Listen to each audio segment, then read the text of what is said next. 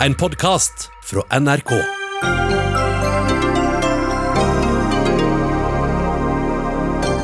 Erna Solberg mener vi har fått for lave skuldre og varsler nye innstramninger etter økende smittetrend.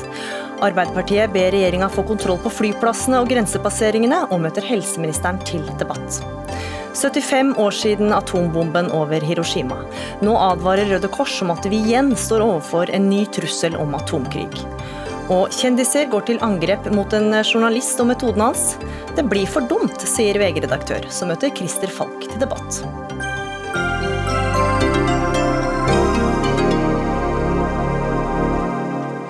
Ja, du hører eller ser på Dagsnytt 18, i studio Gry Veiby. Venstre er på jakt etter kommunikasjonsrådgiver, men søkere må ha høyere utdanning. Et ypperlig eksempel på meningsløse utdanningskrav i arbeidslivet, mener Mimmi Kristiansson. Det får du debatt om litt seinere.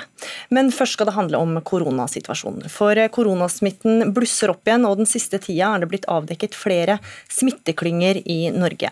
I Moss har smitten fra bryllupsfeiringa begynt å avta, men i Tromsø jobber kommunen på spreng med å teste og spore opp alle smittede fra Hurtigruten-skipet MS S. Roald Amundsen. I Oslo har det også i helgen vært flere fester vest i byen med ungdommer, hvor stadig flere tester positivt. Snart skal vi høre om at regjeringa varsler mulige innstramninger, og helseminister Bent Høie er på vei til oss. Men først Line Wold, avdelingsdirektør for, eh, i Folkehelseinstituttet. Dere kom med tall i går som viser at den første smitteøkninga siden i vår er på vei. Hvordan vil du beskrive smittesituasjonen i Norge nå? Som du sier så er jo eh, smittetallene har vært eh, litt økende de siste par ukene. Og vi ser også at det er et økende antall utbrudd som varsles til oss. Og det er vi bekymret for. Eh, nå er det fortsatt lave smittetall i, i Norge, men vi ønsker å beholde situasjonen sånn. Så, så, vi er bekymret for dette signalet om en svakt eh, oppadgående trend. Mm. Ja, for I dag kom også melding om at smitta personer har reist med Color Line på to ulike seilinger. Hva kan vi vente oss framover? Nei, Vi ser jo at vi får inn meldinger om utbrudd og om, eh, om, den type smittetilfeller eh, på offentlig kommunikasjon, eh, og det i økende grad. Så vi har fått varslet flere utbrudd siste tiden enn vi har gjort litt tidligere i sommer. Mm. Hvordan vil du beskrive beredskapen til å oppdage smitteomfang i kommunene? Vi har nok eh, vi har gode systemer for å fange opp utbrudd, og de er vi i ferd med å styrke ytterligere også. Så Vi har jo tradisjonelt gode overvåkningssystemer i Norge, som vi har eh, forbedret eh, enda mer, og detekterer utbrudd i ganske stor grad nå. Vi har, fanger opp det som skjer i, i stor grad. Og så vet vi at det er ressurskrevende for kommunene som har utbrudd, å gjennomføre smittesporingen. Det er ofte store smittesporinger som skal til, og det tar tid og det tar mye ressurser for de som skal gjøre dette arbeidet. Mm. Og det tar også mye arbeid på nasjonalt nivå med flysporinger osv. Så, videre. så her, eh, dette er ressurskrevende arbeid. Vi skal høre med noen av dem. Tore Steen, smittevernoverlege i Oslo fylkeskommune. I hovedstaden så øker altså smitten. Hvordan er situasjonen denne uka? Ja, vi, har, eh, vi hadde, vi hadde i, i sommer lå vi på rundt 20 per uke. I forrige uke hadde vi 41, og det, hittil i dag, da jeg gikk hjemmefra, så hadde vi 48 denne uka. Så det er klart at vi får, eh, vi får en del flere denne uka enn vi hadde i forrige uke. Mm. Og så har vi hørt om flere fester eh, vest i Oslo. Hvor mange er positive fra festene der? Ja, nå hadde jeg telt opp like før jeg gikk nå. og eh, da fant jeg, hadde jeg ni av de 48 hadde jeg ni som var smitta på fest. Men det var ikke alle fra, fra, fra Oslo vest, altså. Men vi vet iallfall om fem fra disse festene som det har vært mye snakk om i Vestraker, Og det tror jeg nok blir flere, for der er jo fortsatt en smitteoppsporing og testing på gang. da. Mm.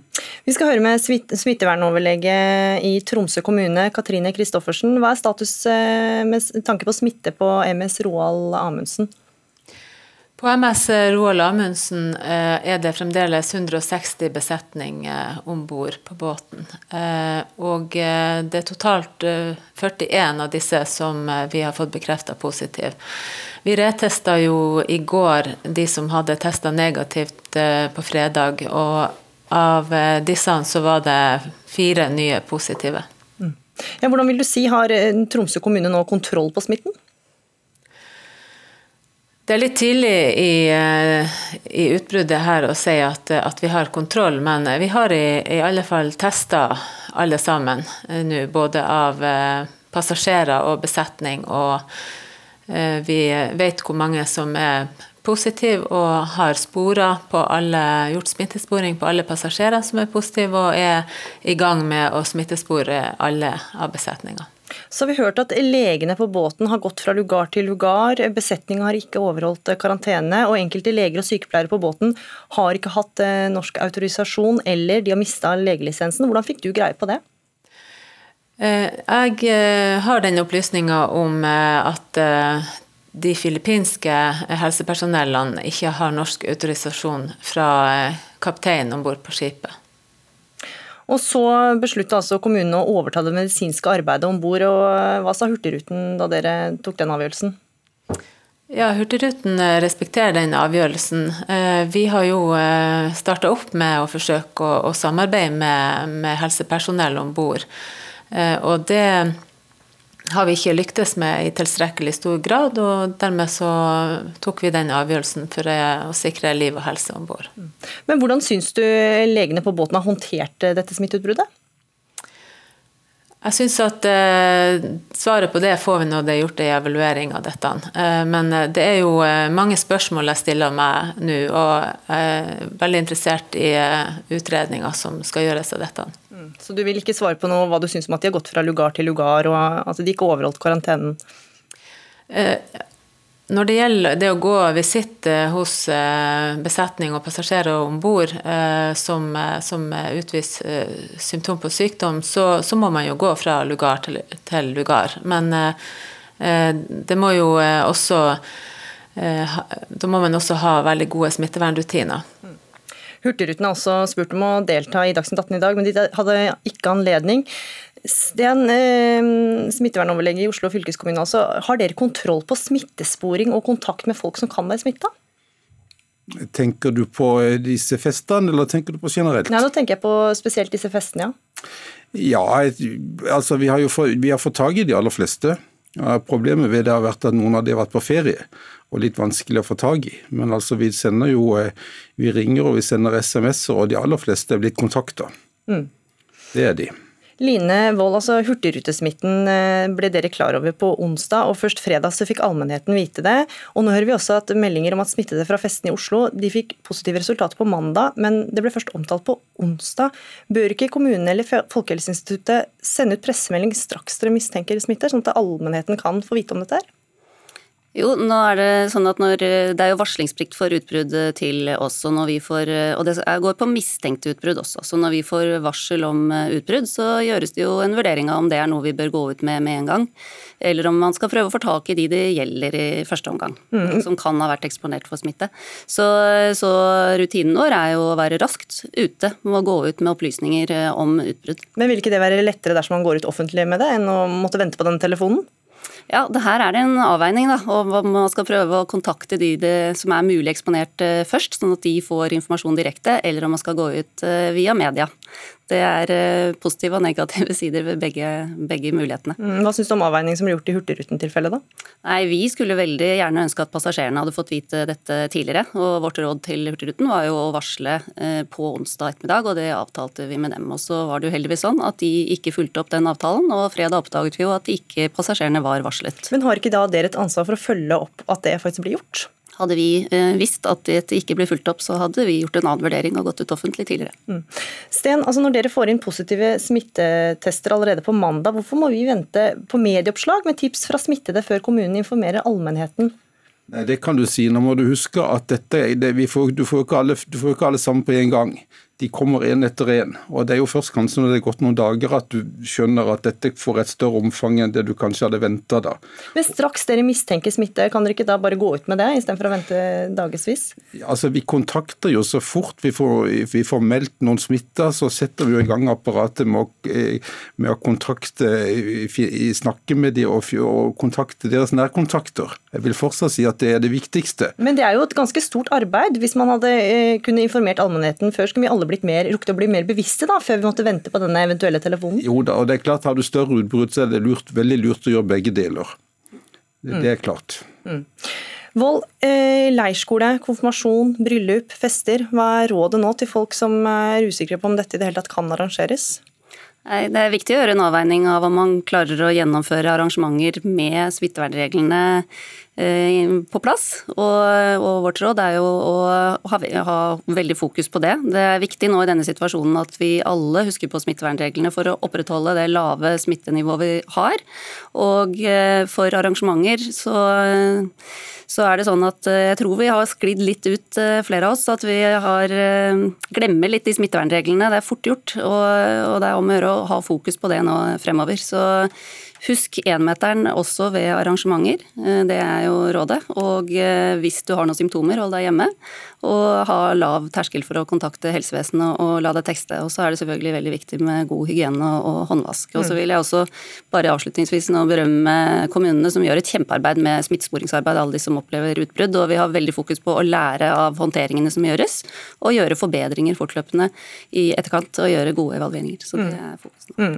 Og så er det venta nye regler for bruken av munnbind i morgen. og Bent Høie har nettopp hatt møte med samferdselsaktører på vei til Dagsnytt 18, så får vi kanskje svar på om det blir påbudt med munnbind i kollektivtrafikken litt seinere i sendinga. Takk for at dere var med i Dagsnytt 18, Line Wold fra Folkehelseinstituttet, Tore Steen, eh, smittevernoverlege, og Katrine Christoffersen, smittevernoverlege i Tromsø.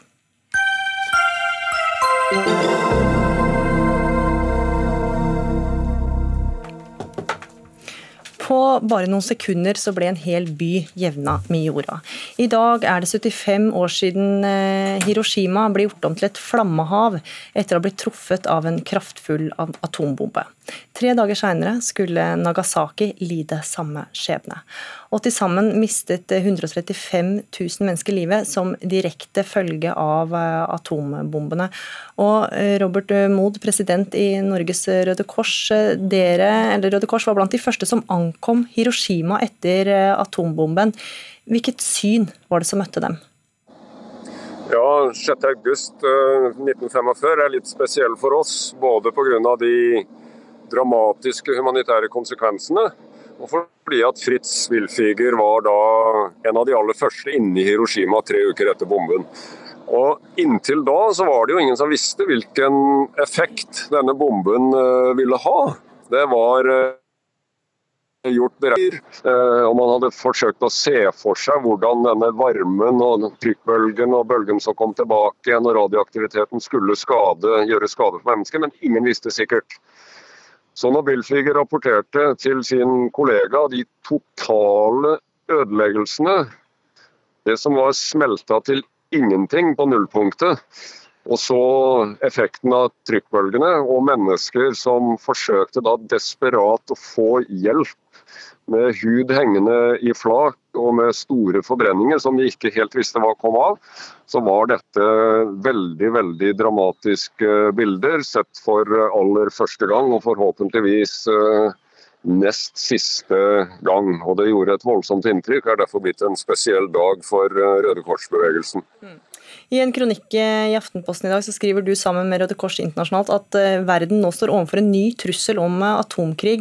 Hvor reell er denne trusselen, mener dere? Ja, fra, fra 1945 og fram til vi etter hvert fikk ni atommakter.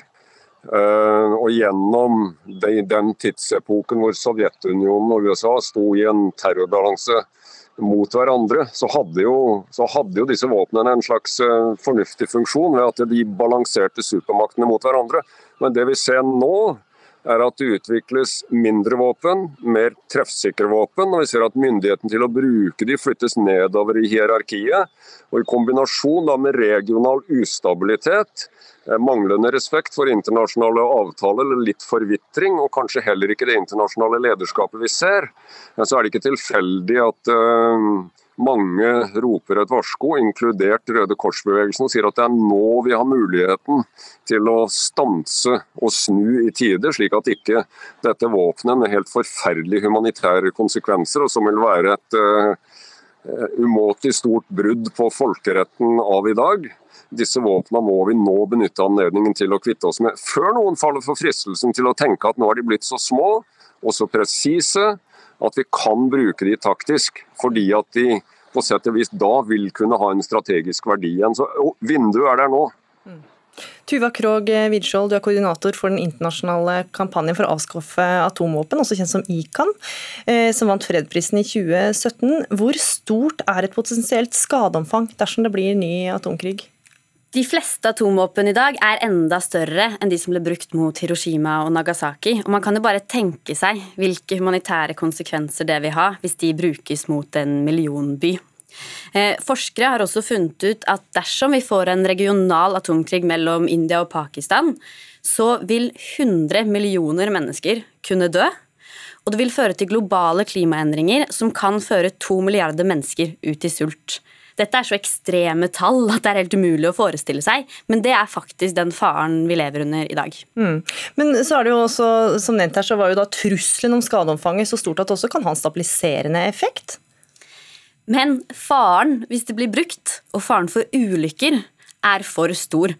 Og vi mener jo at det er helt illegitimt å tenke at det skal være greit å true med massedrap av sivile.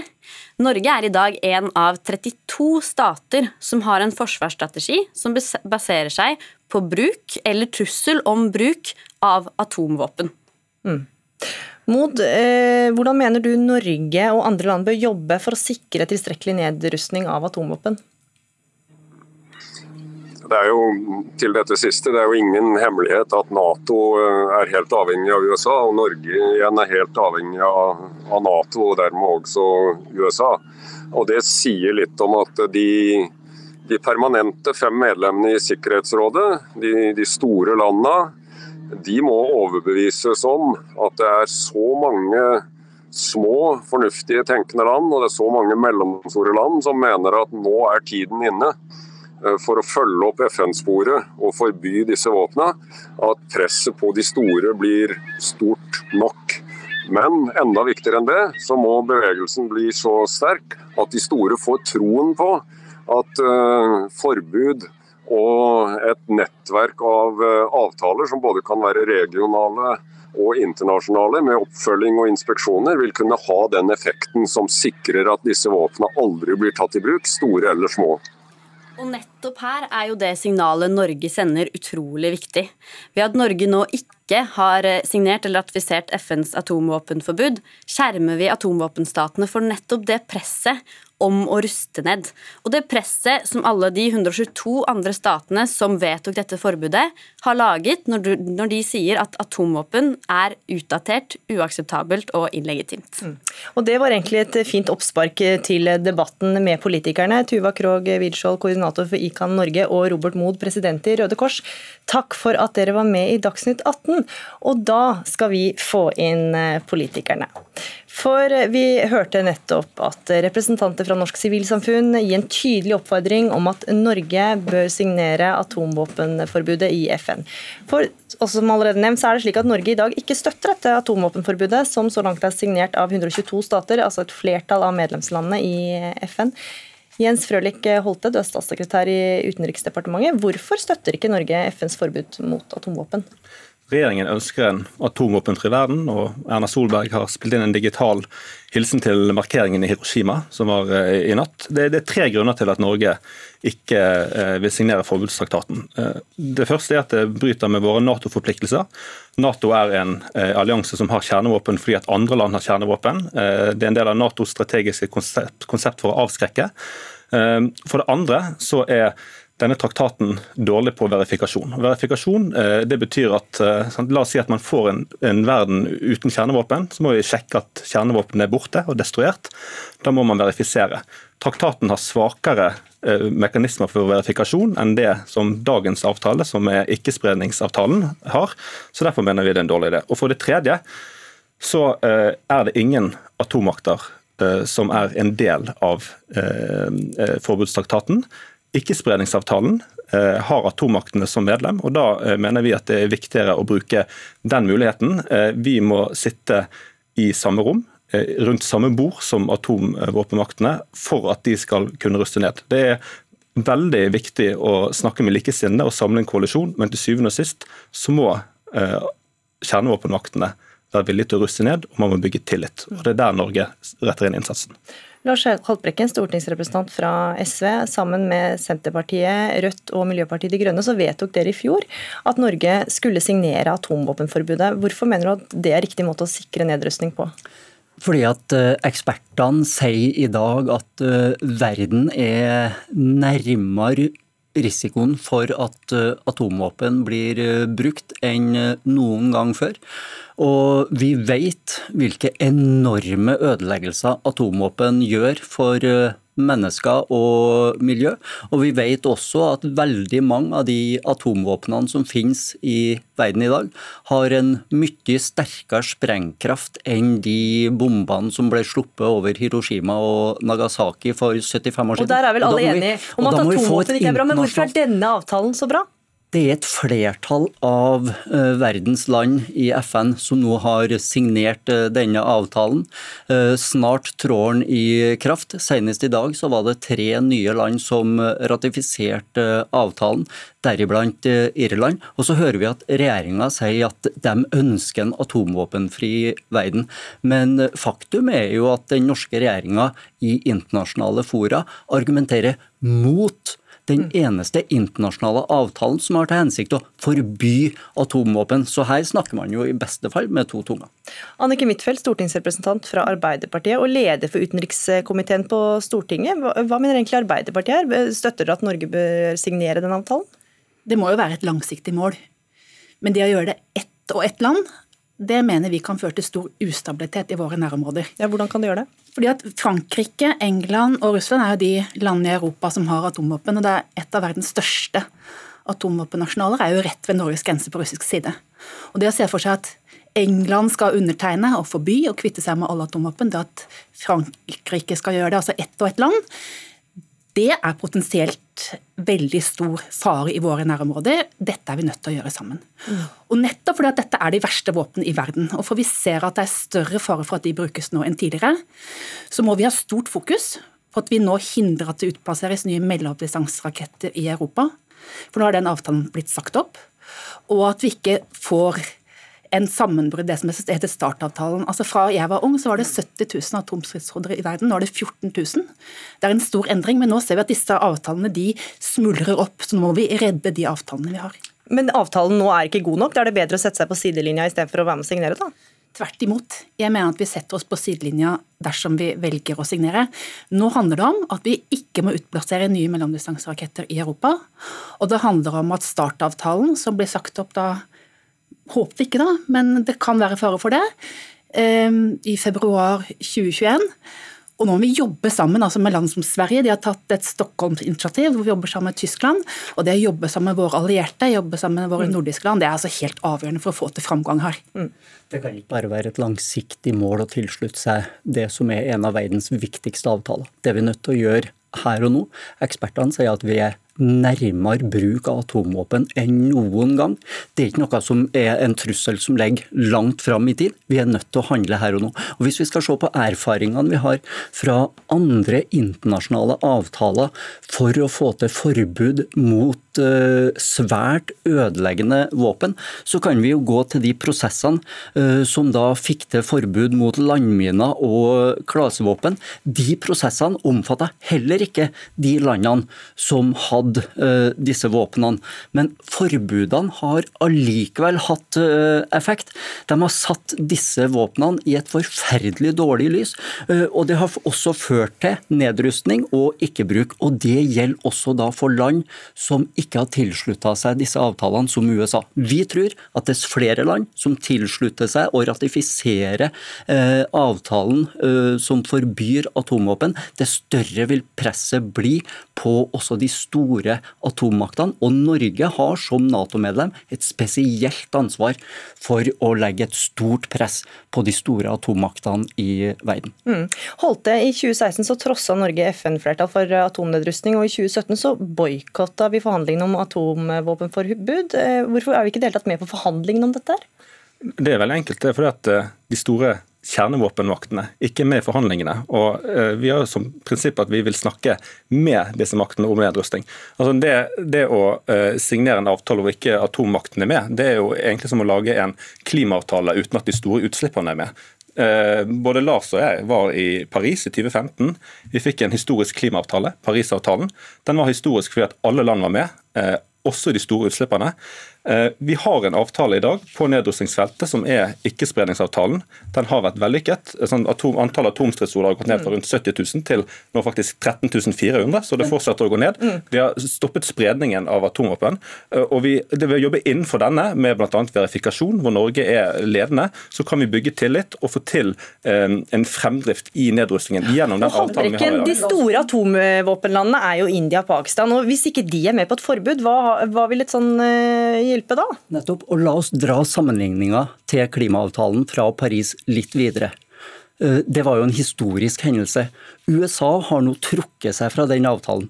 Har Norge tenkt å trekke seg fra den avtalen? Det må jo den norske regjeringa gjøre hvis de skal følge logikken sin uh, til forbudet mot uh, atomvåpen. Heldigvis så har ikke den norske regjeringa fulgt samme logikk der. Man står fortsatt trygt plassert i uh, Parisavtalen. Vi tror at det at Norge også tilslutter seg et forbud mot atomvåpen internasjonalt, vil legge et press på atommaktene. Og det vil også gjøre det vanskeligere, dess flere land som slutter seg til den avtalen, avtalen, så vil det gjøre det vanskeligere for våpenprodusentene å få produsert eh, atomvåpen. Mm, altså, hvorfor sier Sverige nei til å ratifisere? Det er ikke et Nato-land. Det er jo fordi at de er opptatt av at nå må vi hindre at det russes opp mer i Europa. At det blir utplassert nye mellomdistanseraketter med veldig stor presisjon. Og at det å gå på forbud nå, det ser ut som en snarvei, men det er en blindvei. Det må være et langsiktig mål, men hvis vi ikke får med oss de landene som har disse våpnene, så er det ikke mulig. Og Jeg er veldig uenig med den historiebeskrivelsen som Lars Haltbrekke kommer med når det gjelder klasevåpen og miner. Disse konvensjonene var det Jonas Gahr Støre som forhandla fram. Norge hadde jo disse våpnene. Det var mange land som hadde både miner og, og sånne klasevåpen som var med på å forhandle fram disse konvensjonene. Men at de som ikke har atomvåpen, skal si at dette skal vi ikke ha, uten å ha med seg atommaktene det, det kan ikke skape press, da? Nei, det kommer egentlig til å skape det stikk motsatte. Mm. At det blir mindre viktig for disse landene å forholde seg til at man ikke skal utplassere mellomdistanseraketter i Europa. Så dette er, jo, dette er, jo, noe som har vært uenighet mellom SV og Arbeiderpartiet bestandig, og det å gjøre det på denne måten, det vil bryte med alt vi har stått for i forsvarspolitikken siden krigen. Det å sitte og si at et stort flertall av verdens land 122 land som undertegna denne avtalen for noen år siden, er inn på en blindvei. Det å sette på uh, 75-årsdagen for de grufulle hendelsene i Hiroshima uh, og si at et forbud, en internasjonal avtale om forbud mot atomvåpen, er et blindspor. Det er jo rett og slett en hån mot de ofrene fra uh, Hiroshima som har via sitt liv, de som har overlevd, de har via sitt liv for å få på plass en sånn avtale. Ja, men Det er jo nettopp fordi at disse våpnene er så farlige. Mm. At det vi skal gjøre, det må virke. Mm. Og der må jeg rett og slett eh, sette strek. Eh, beklager for det. altså. Anniken Huitfeldt fra Arbeiderpartiet, Jens Frølich Holte fra Høyre og Lars Haltbrekken, eh, stortingsrepresentant fra SV, takk for at dere var med i Dagsnytt 18.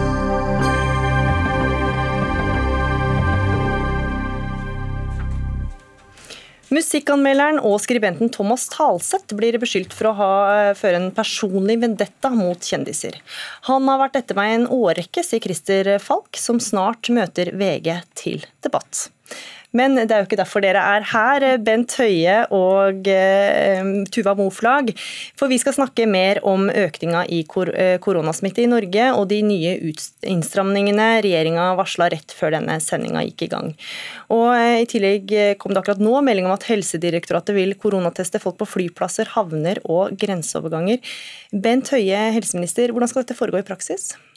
Ja, Det er noe som vi har jobbet med nå en stund for å etablere eh, gode rutiner for. Så Det er jo det som Helsedirektoratet nå intensiverer arbeidet med. Eh, og så har vi jo nå sagt at eh, smittesituasjonen både i Norge, men også det vi ser i andre land, gjør at nå sier vi at nå må vi bremse for å beholde kontrollen. Og Det betyr at en del av de lettelsene som var forventa nå framover, Eh, de må vi vente med. Eh, samtidig som vi nå i morgen må være forberedt på at det kommer noen mindre, eh, mindre innstramminger. Mm, kan du si noe mer hvor disse innstramningene kommer?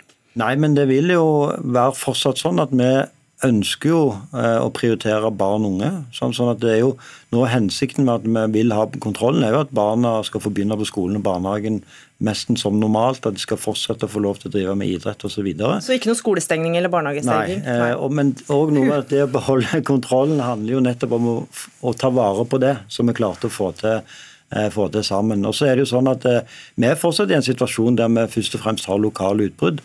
Men vi har jo òg eh, veldig klar erfaring med at det er veldig krevende for kommunene å drive smittesporing, slå ned de lokale utbruddene. Så det vi ser på mulige innstramminger, er jo på områder som kan gjøre det enklere å håndtere lokale utbrudd. Vil det også si da eh, hvor mange mennesker som kan være samla? Det er jo i hvert fall sånn at uh, Vi ser jo nå på de, vi hadde jo varsla at vi kunne ha økninger framover i antall samla personer. og Det er jo noe av det som vi nå være forberedt på ikke komme. Så de som nå planlegger konfirmasjon, bryllup, fest, hva kan de forvente seg? Ja, nå får en detaljsvarene på dette i morgen. så Det var en forhåndsvarsel i dag som kom fra statsministeren at eh, nå må vi bremse for å beholde kontrollen. Mm. Du kommer kanskje til å svare likt likt på samme. for Du kom jo nå rett fra et møte med bl.a. samferdselsaktører. og Det har vært mye snakk om munnbind. Blir det påbudt nå med munnbind i kollektivtrafikken? Dette møtet var jo nettopp òg for å forberede de som har ansvar for kollektivtransporten og arbeidsgivere på, eh, på ting som kommer i morgen, og prosesser framover. Eh, Knytta til nettopp det at nå er det mange av oss som skal hjem fra ferie, vi skal begynne på jobb igjen, folk skal tilbake på skole, høyskole og universiteter. Eh, og vi er bekymra for den belastningen som det vil gjøre på kollektivtransport. Og Da handler det jo både om hvordan vi skal sikre at det er trygt å ta kollektivtransport for de som må ta kollektivtransport. Eh, og i den sammenheng òg vurdering av munnbind. For det er klart at i rushtiden på kollektivtransport er jo en av de situasjonene der det å holde minst halvannen meter avstand er vanskelig. Men jeg vil understreke Men du svarte jo ikke på spørsmålet mitt, da. Jeg vil understreke at munnbind aldri vil komme til erstatning for eh, det å eh, holde minst eh, en meters avstand til hverandre mm. og de generelle rådene. Men tilbake til spørsmålet mitt. Blir det påbudt med munnbind i kollektivtrafikken? Ja, Det skal vi komme tilbake til da. Kan ikke si noe nå? er veien videre på det i morgen. ja. Mm. Vi hører om prisen på munnbind, at det går til værs etter at Helsedirektoratet varsla nye retningslinjer. Nå vil jo ikke du si hvilken vei det går, men eh, en eh, oversikt som NRK har, viser at en pakke med 50 munnbind har mer enn syvdobla seg. Hva gjør man dersom man ikke har råd til munnbind eller ikke får tak i det? Nå eh, har det skjedd en veldig sånn, dramatisk situasjon der de siste døgnene. Så er jo det noe av det som det blir jobba med nå. Det er jo både tilgang på munnbind, men også vurdering av f.eks. Eh, det å bruke ansiktsmasker eller det å bruke tøymunnbind som en kan eh, vaske og bruke om igjen. Eh, og den type spørsmål. Det er jo ting som nå Folkehelseinstituttet jobber med. sånn at Når vi eventuelt kommer med råd om å bruke munnbind i Norge, så må det være knytta til både råd på hvordan en skal gjøre det, altså det å ta det på riktig og sånne ting. Jeg ser det florerer et bilde av meg der jeg har på munnbind feil. Eh, og Det er en god påminnelse til oss alle sammen at man begynner med dette uten å kunne det, så er det lett å gjøre det, lett å gjøre det feil. Og så er det òg da med å for hvordan en skal håndtere dette med økonomisk, hvordan vi skal ha tilgang og håndtere munnbind. Og alle som har vært ute og flydd i det siste, ser jo at eh, noe så enkelt som at det må en plass å hive munnbind etterpå, sånn at det ikke flyter ut overalt, er et av de tingene som vi må jobbe med. Men om dette er reelle problemstillinger som vi må ta stilling til i morgen, det får vi først vite i morgen? Ja, og det er ikke sånn at uh, ting skal ikke skje over natten. sånn at uh, Vi jobber med å gi uh, dette sånn at folk skal være forberedt på det som kommer. Mm. Ja, Vi hører jo at stadig flere land blir røde, og smittetallene øker. Tuva Moflag, stortingsrepresentant fra Arbeiderpartiet. Nå varsler altså regjeringa at det vil komme tiltak. Hvilke tiltak forventer du da at det vil komme? Nei, Jeg forventer jo selvfølgelig at disse teststasjonene kommer raskt opp og gå, som Arbeiderpartiet også har vært ute og etterspurt. Eh, jeg syns jo kanskje at det burde ha vært planlagt allerede da man åpna for utlandet. Det tok bare ti dager fra, fra regjeringa åpna for at man eh, kunne reise til Europa, til Spania var rødt, og vi fikk røde fly inn på Gardermoen. Det er bare to og en halv uke siden. Så den teststasjonen burde ha vært på plass før man åpna. Og hvordan vil en sånn teststasjon fungere? At man tar en test når man kommer, lander? Ja, eh, nå har vi jo fått varsla at det vil komme, så det blir mm. spennende å høre hvordan det blir i praksis. Men det er jo viktig at man får registrert de reisende, testa dem, får gitt dem god informasjon. Jeg var på Gardermoen i forbindelse med et intervju i går, og jeg må si jeg blei litt sjokkert over at det bare kom reisende ut fra røde fly uten at man følte at det var noe kontroll knytta til det. Eh, ikke noe slusing, altså de kunne ha gått rett ned på kollektivtransport. Jeg bor sjøl i Akershus. Eh, Gardermobanen er reiseveien for mange. Mange da kan spasere rett inn på et vanlig tog og komme fra et eh, fly i et rødt område. Så jeg er bekymra for at vi får smittespredning hvis ikke man har en god kontroll på mm. flyplassen. Så testing, informasjon og registrering er viktig at skjer der, tenker jeg. Mm. Og Bent Høie, eh, vi ser jo nå at mye smitten kommer fra nettopp utlandet. Hvorfor har vi ikke sørga for at vi kontrollerer innreisende på flyplassene tidligere? Vi har, jo, vi har jo lagt til grunn at folk uh, for, forholder seg til de reglene som er. Og det er jo at Hvis du kommer fra et rødt land, så skal du i karantene. Så det å etablere for smittetilbud, eller testtilbud mener jeg, på flyplassene, det er jo først og fremst kanskje viktig for de som kommer fra grønne land, som òg har en forhøya smitterisiko enn det som er vanlig i Norge. Uh, for De som kommer fra røde land, de skal hjem i karantene Eh, uansett. Men det som vi da ser på, det er jo både det å ha lavterskel eh, smittetilbud, men òg gjerne ha et, lite, et stoppunkt som gir oss en, enda en mulighet til å gi folk eh, informasjon og, en påminnelse om hva regler de skal forholde seg til. I dag er det sånn at De som kommer til Norge som har utenlandsk mobiltelefon, de får jo en en SMS-varsling med informasjon. og Vi har jo også store plakater. og vi, Alle fra Norge tror jeg har fått med seg liksom hva er hovedreglene. Men, eh, men allikevel så kan det være lurt å se på om vi skal ha et stoppunkt i tillegg. og Da vil jo bl.a. det å ha et testtilbud være også en anledning til å komme i dialog med folk og, og gi, gi dem de rette rådene. Så jeg syns det er et uh, fint innspill også fra Arbeiderpartiet her på at dette er er viktig å, å gjøre. Mm.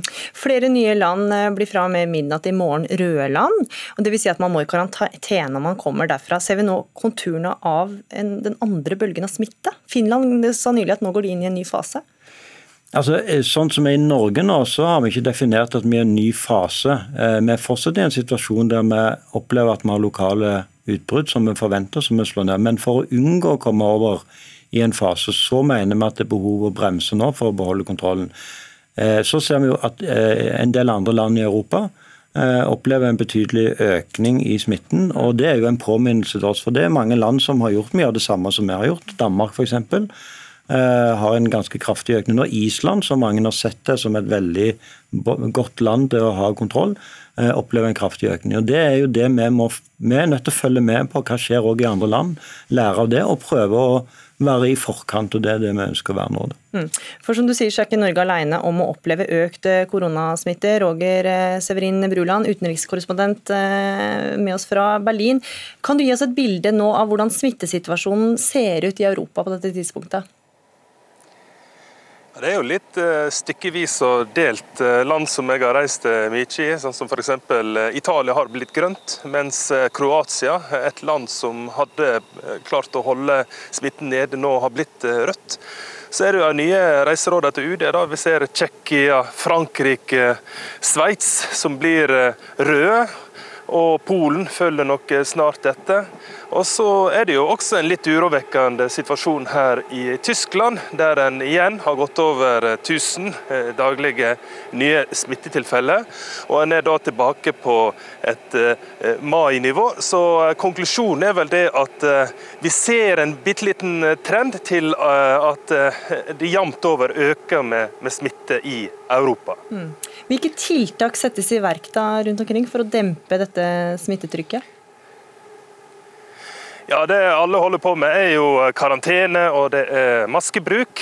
Det som er litt spesielt med Tyskland, er jo at de er veldig opptatt av å teste. Det å få seg selv testa i Tyskland, det skal ikke stå på pengene, sier helseministeren. Og du trenger ikke ha symptom. Eh, du, dette skal bli dekka innenfor offentlige og private helseforsikringer.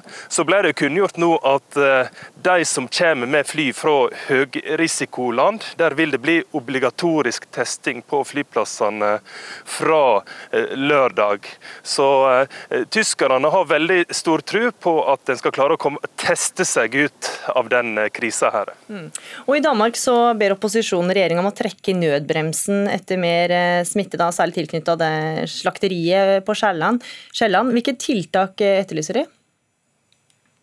Ja, Det er jo et annet tiltak i denne verktøykassa. Det her med folkeansamlinger. At en vil begrense hvor mange som kan samles eh, på ett sted.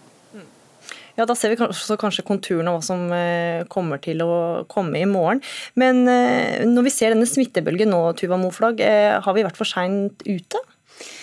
Ja, jeg tenker at vi kanskje kunne ha vært hakket tettere på både når det gjelder Hurtigruten-utbruddet, fly som kommer inn fra røde soner osv. Og så eh, er jeg litt uenig med helseministeren som kaller dette lokale utbrudd. Jeg syns egentlig at vi må anerkjenne at det Hurtigruten-utbruddet faktisk har blitt ganske stort. Det er jo 69 kommuner, var det siste tallet jeg så, som er berørt av det. Så jeg syns kanskje vi må ta inn over oss at det faktisk eh, har slått ganske bredt ut, det utbruddet som kom fra Hurtigruten. Og det er jo det jeg også frykter frykte når det nå har kommet så mange fly inn fra røde land. Det er utrolig viktig nå at vi er rause på testinga. Jeg har blitt kontakta av folk som har vært i land som ble røde mens de var der, og som har fått avslag på test etter at de kom til Norge. Så jeg syns det er viktig at helseministeren sender ut et signal nå om at folk skal få lov til å teste seg. Vi skal ikke være gniende på eh, testing. Eh, og så syns jeg det er viktig at eh, man også tenker på dette her med hjemmekontor. Det er andre henvendelser jeg har fått. Folk som føler nå et press om at de må komme tilbake på jobb, mm. sitte på kontoret. Og da forsterker vi jo den utfordringa som vi kan se med kollektivtrafikken. Så vær tydelig på at arbeidsgiverne nå må gi folk tillit og frihet til å være på hjemmekontor, sånn at vi demper det presset som i hvert fall jeg frykter i kollektivtrafikken. Også som det ble snakka om litt tidligere i sendinga, så er det flere eksempler som viser at det tar litt tid før informasjon om smitte kommer ut. Altså altså, hvor klart er det egentlig hvem som har ansvaret for å si fra?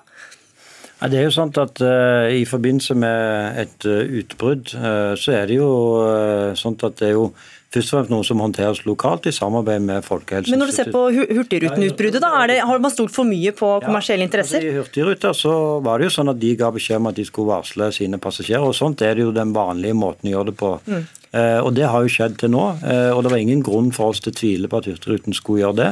Nå ser vi jo at nå har vi et eksempel på at noen ikke gjorde det, og derfor så har jeg òg skjerpa inn de rutinene forbi Folkehelseinstituttet. Så nå får private aktører sånn som Hurtigruten eller Color Line og sånn, de får beskjed om at de må varsle eh, passasjerene. Hvis, men uansett så vil Folkehelseinstituttet på den og det klokkeslettet gå ut med informasjon offentlig. og Da vet de at hvis de selv ikke gjør det innen den tid, så vil det allikevel bli offentlig, og da er det en vanskeligere sak for dem. Så kommersielle interesser har fått litt mindre spillerom? Litt mindre spillerom, og det er synd, fordi, men jeg vil jo si at i utgangspunktet mm så stoler vi jo på hverandre i den type spørsmål. Og så har denne hurtigrutehistorien lært oss at vi ikke alltid kan gjøre det, og da skjerper vi litt. Mm. Ja, Da blir det spennende å se hva som kommer i morgen. Bent Høie, helseminister, takk for at du var med. Tuva Moflag fra Arbeiderpartiet, takk for at du var med i Dagsnytt 18.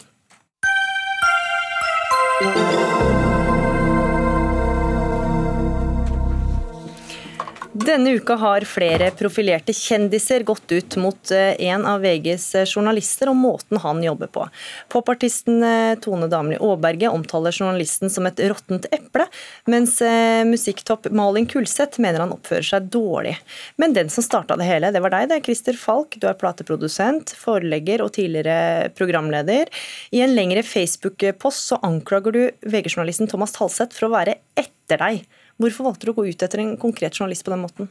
Nei, det er fordi han har vært etter meg i eh, nærmere 20 år. og eh, etter en stund så sier man bare stopp, da gidder du ikke mer. Ja, og For de som ikke kjenner saken, hva er det, hva er det han har gjort? Ja, nei, Jeg har jo eh, jobbet med musikk i 30 år omtrent. og Thomas, jeg vet ikke når han begynte som journalist, men uh, veldig mye sånn person... Uh, fotfølging og mye sånn generelt drittsnakk da han jobbet før han jobba i VG, for den saks skyld. Eh, eh, jobba i Spirit, eh, sånn nesten ikke månedlig, men i hvert fall veldig mange ganger i året hvor det var sånn helt unødvendig drypp og drypp og drypp. Så vi skjønte at dette her var ikke noe spesielt god stemning, og etter hvert så begynte han jo i VG, skulle gjøre et par saker for meg, og jeg reagerte på at det var ekstremt mye uredelighet i det han presenterte, og fant ut at han ville ikke ha noe mer med å gjøre, og egentlig boikotta han i mange år. Men, men, Du sier at han skulle gjøre et par saker for deg, men han jobber jo som selvstendig journalist? Ja da, så jeg driver et plateselskap og bokforlag, så av og til så tar man jo kontakt med artister, og så håper man at det blir en sak som på en måte henger på greip. og Som regel så forventer man også at journalistene bruker redelige Eh, metoder. Men da jeg skjønte metodene hans, eh, tenkte jeg at han er en fyr jeg ikke har lyst til å ha noe særlig med å gjøre, og skippa han. Og jeg har fortsatt. Ja, Hva vil du si til de som sier at du har vært kjendis i en årrekke, du har selv brukt mediene til egen fordel, det sier du jo nå i og med at du har drevet et plateforedrag. Eh, Hvorfor skal ikke du tåle det kritiske søkelyset på din økonomi? Jeg tåler kritisk søkelys, og det holder. Jeg har vært så mye kritikk rundt og om og for meg at det er ikke det, men man må gjøre det på en redelig og en måte som på en måte ikke bryter med god folkeskikk og presseetikk. Mm. Rolf Sønsteli, du er redaktør for eh, VGTV. Du svarer på vegne av eh, journalisten. Eh, du kallet Falks utfall mot din journalist for dumt. Hvorfor det? Jeg gjorde det fordi at det er ikke sånn i VG at journalister kan drive personlig vendetta mot, eh, mot aktører eller personer fordekt som journalistikk. Eh, journalister i VG jobber ikke i et vakuum. De, eh, alle eh, ideer, saker, manuser diskuteres, avklares og besluttes av ledere i VG og kvalitetssikres. Så anklagene om at, vi, at, han eller noen hos oss driver personlig vendettaer, det mener vi ikke er riktig. Ja, Christer Falk, Hvorfor kunne du ikke heller klaga inn eh, journalisten til pressens eget klageorgan, da, PFU? Jeg vet hva, jeg har vært i så mange runder, og det er veldig tidkrevende. og Sannsynligheten for at du går på en eh, smell her er stor, så det er en stor fallhøyde. For meg er det mer at eh, jeg har fått nok av Thomas Halseth og valgte å, uttrykke meg på min egen Facebook på en helt streit måte. Jeg syns jeg la det fram på en grei måte. Jeg viste fram hva han hadde gjort som jeg mente var kritikkverdig, og fikk veldig mye tilbakemelding om at det var en ryddig Selv Rolf har sagt at det var ryddig eh, framstilt. Mm.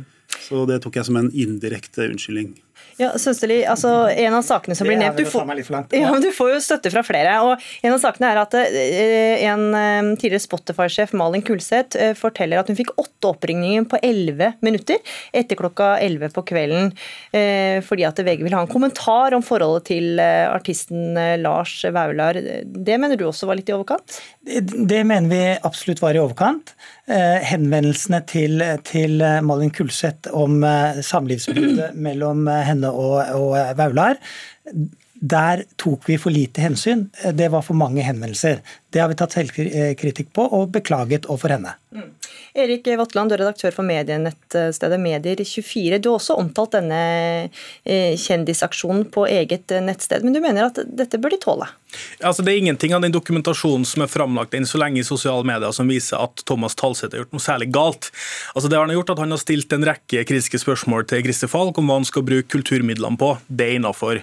Han har stilt eh, en rekke spørsmål til Malin Kulstøt og Lars Vaular om hvorvidt de er sammen eller ikke. Det er absolutt innafor for en journalist i rampelys. Og så har Tone Damli Aaberge, artisten, gått ut og vært kritisk til Thomas Talseth. Eh, det er fortsatt usikkert eh, hva måte som ligger i den kritikken. Eh, hvis det er sånn at hun mener at Thomas Talseth har gjort en utrolig dårlig jobb og er liksom bare negativ, og sånn, så får jeg snakke med Rolf Sønstli. Enn så lenge så er det i hvert fall ingenting som dokumenterer det. Mm. Så jeg er litt sånn kritisk til denne personfokuset mot én person. Så her kunne Christer Falk, jeg kunne Malin Kulseth, jeg kunne Lars Vaular og Tone Damli. De kunne ha gått sammen, og så kunne du snakka med VG om, om den saken der. Så jeg, litt sånn, jeg stusser litt over den kritikken. Den er litt sånn tynn. Mm, ja, Folk har det ikke litt dårlig gjort å gå så offentlig mot én enkeltjournalist? Nei, eh, hvis det er en, et råttent eple, så er det jo det er, ikke, det er ikke VG jeg vil til livs, det er ikke journaliststanden jeg vil til livs. Jeg vil én journalist som jeg mener gjør ekstremt mye. Eh, for å ødelegge eh, for andre. Han bruker uredelige metoder.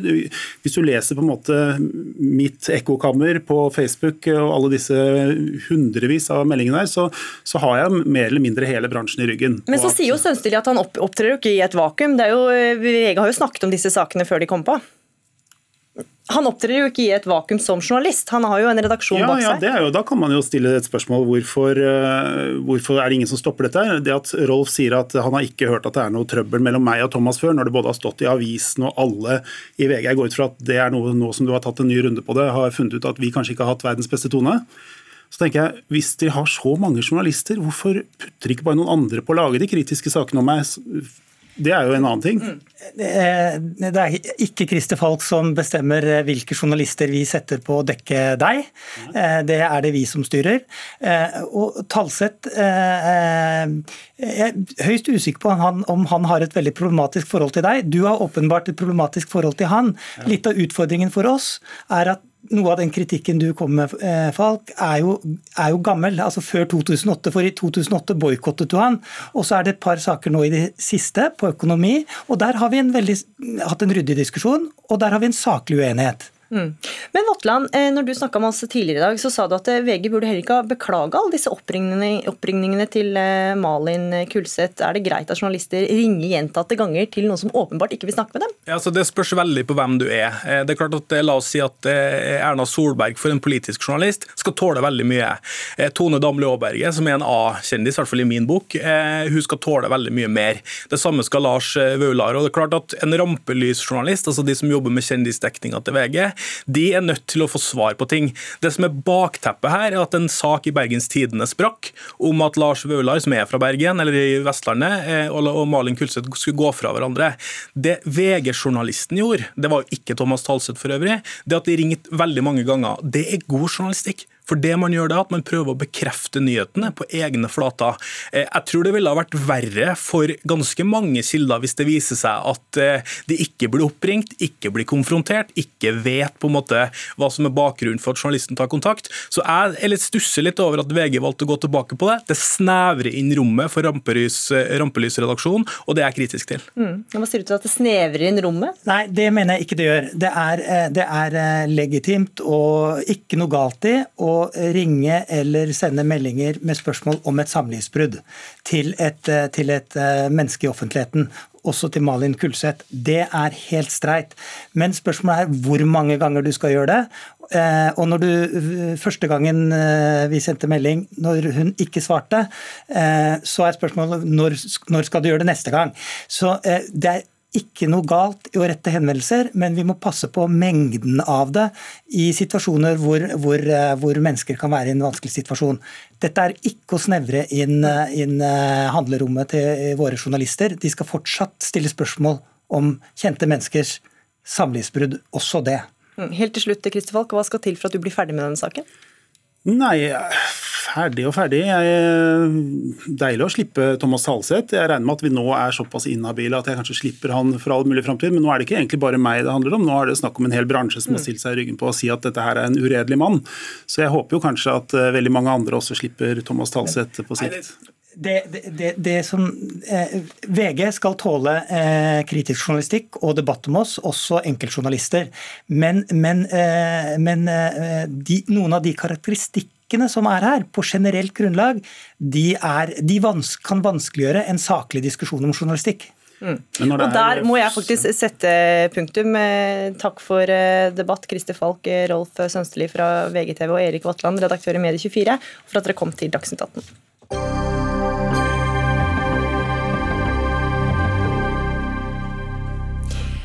Hvor viktig er det egentlig med høyere utdanning når man skal jobbe med kommunikasjon og sosiale medier? Ja, Det er spørsmålet etter at Venstre la ut en stillingsannonse der de søkte etter en kommunikasjonsrådgiver.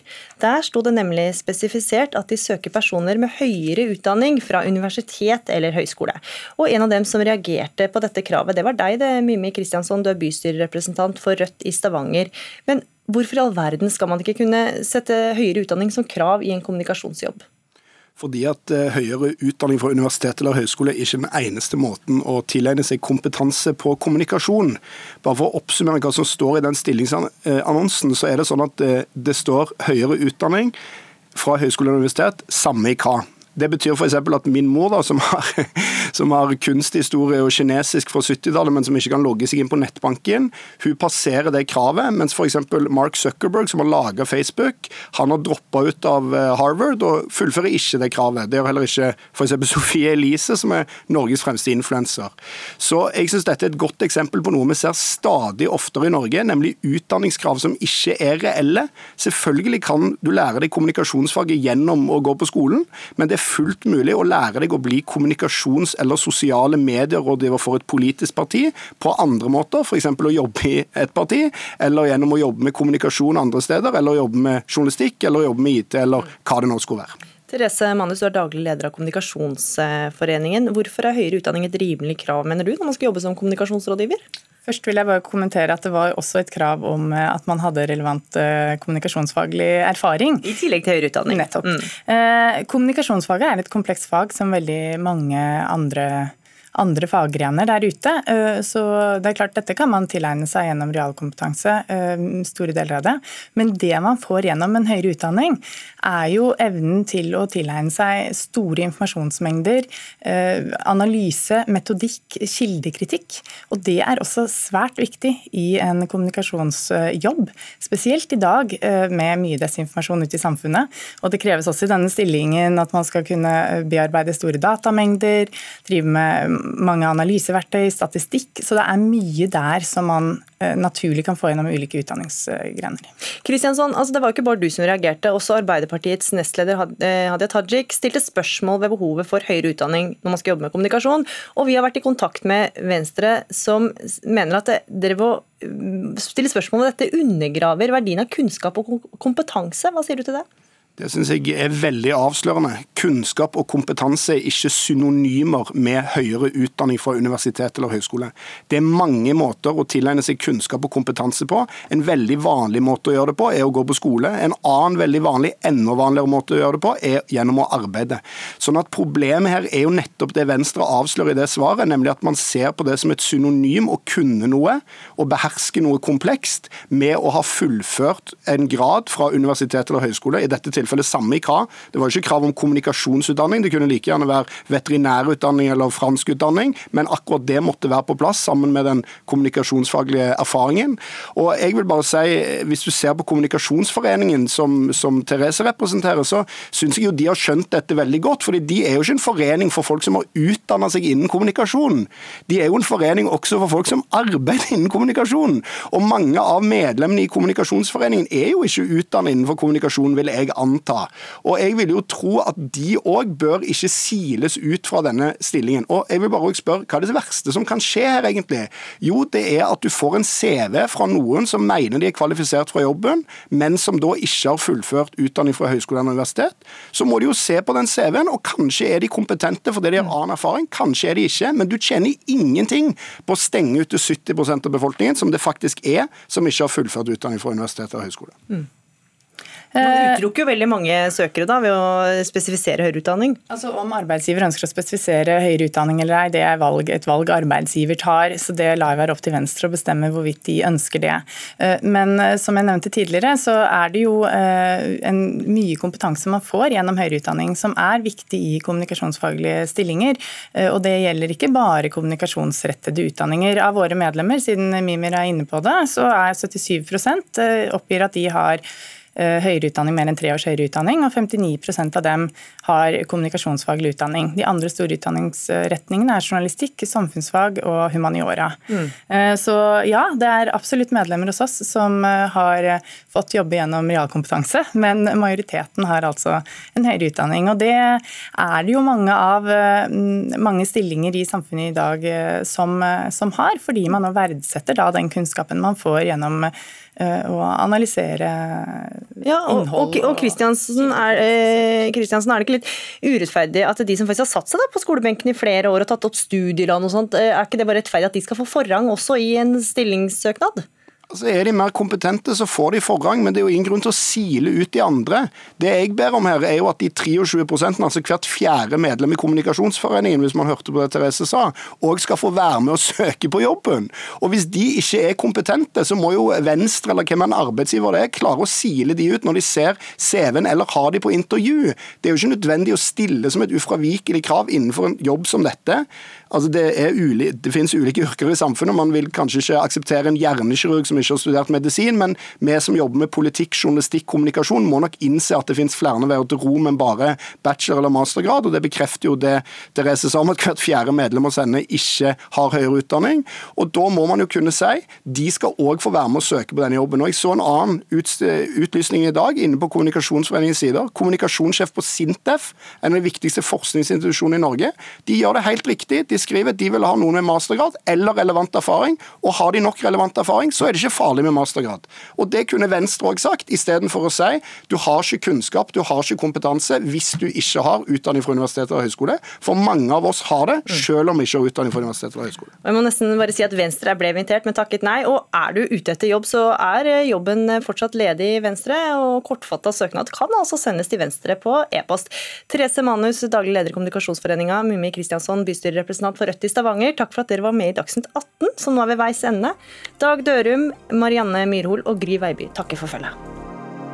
Du har hørt en podkast fra NRK. Hør flere podkaster og din favorittkanal i appen NRK Radio.